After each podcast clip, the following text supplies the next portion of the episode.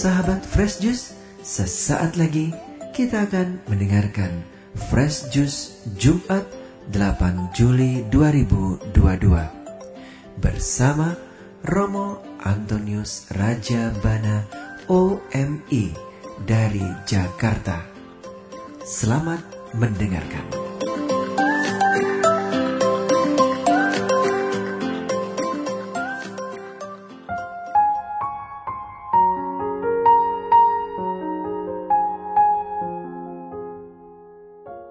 Sahabat Fresh yang terkasih, hari ini Jumat 8 Juli 2022, kita diajak oleh gereja untuk mendengarkan firman Tuhan yang meneguhkan kita agar kita setia pada perutusan kita berdasarkan iman, bukan berdasarkan kekuatan. Bagaimana firman Tuhan menyapa kita? Mari kita mendengarkan. Hari ini Injil diambil dari Injil Matius bab 10 ayat 16 sampai dengan 23. Pada suatu hari Yesus bersabda kepada kedua belas muridnya, Lihat, aku mengutus kalian seperti domba ke tengah-tengah serigala.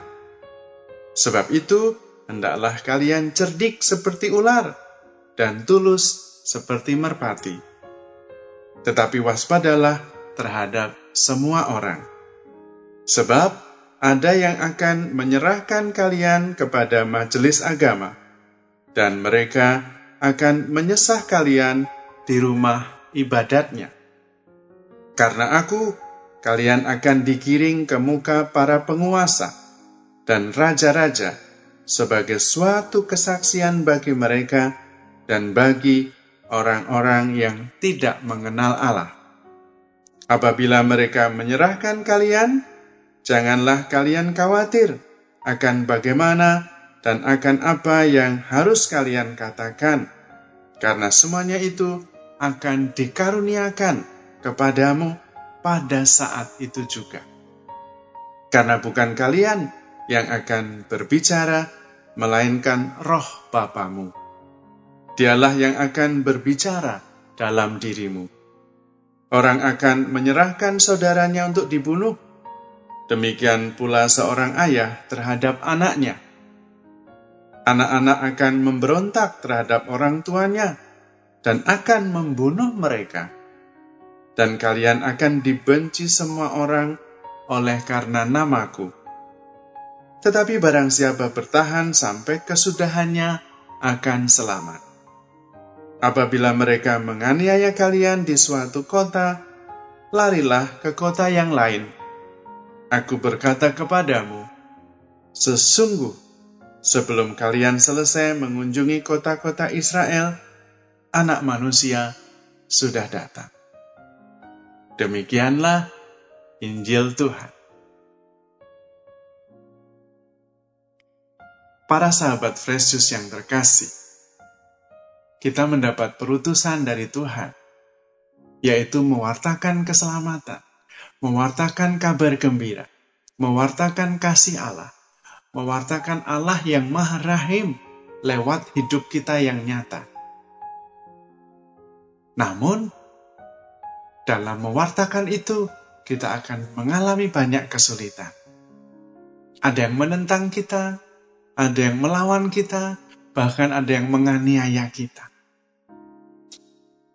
Dan menariknya, Tuhan meminta kita untuk tidak melawan. Kalau mengalami penganiayaan, malah disuruh lari, bukan melawan. Artinya apa?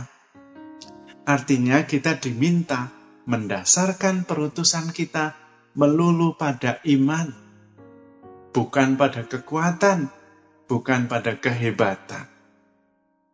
Maka kalau mengalami kesulitan dan kita tidak mampu melawan, jangan kemudian menyalahkan Tuhan.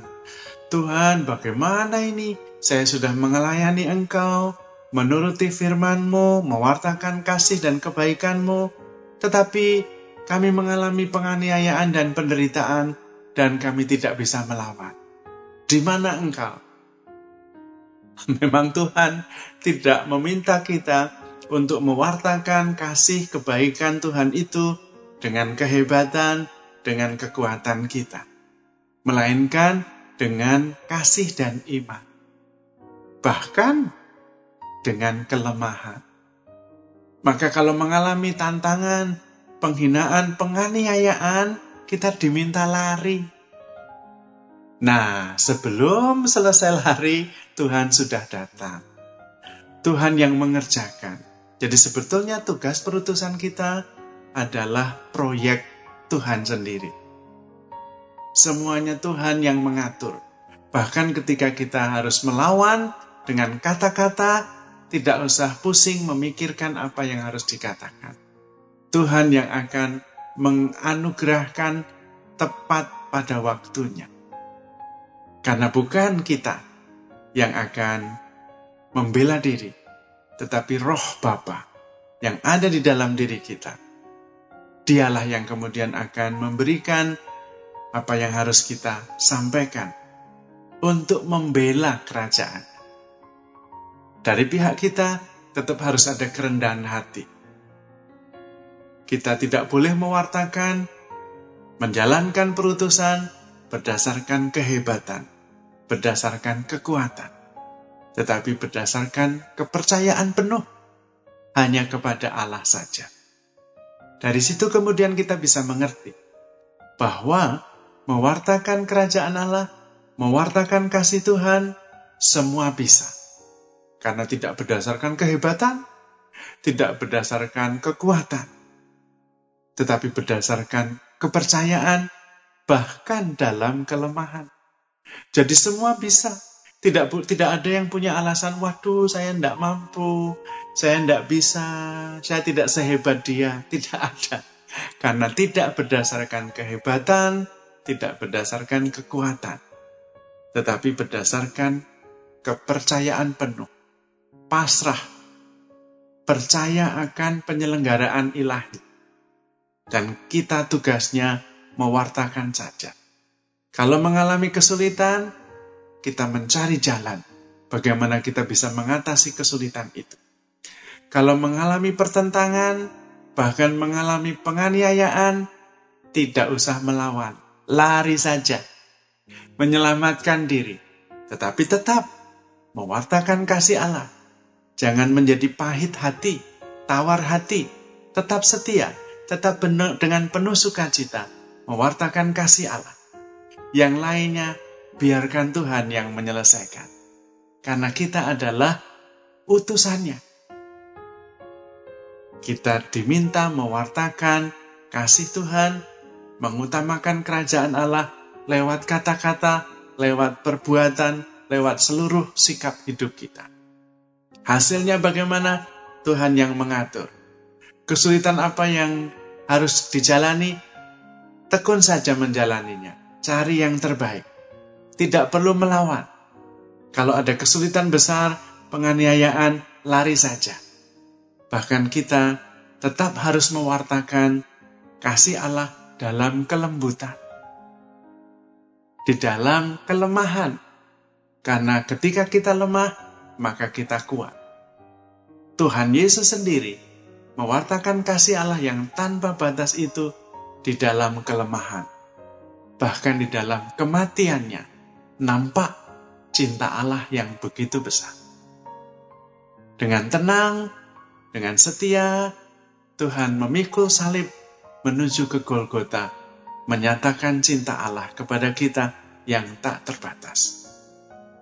Mencintai dalam diam, mewartakan kebaikan dalam kelemahan, dalam kelembutan, dalam kerendahan hati.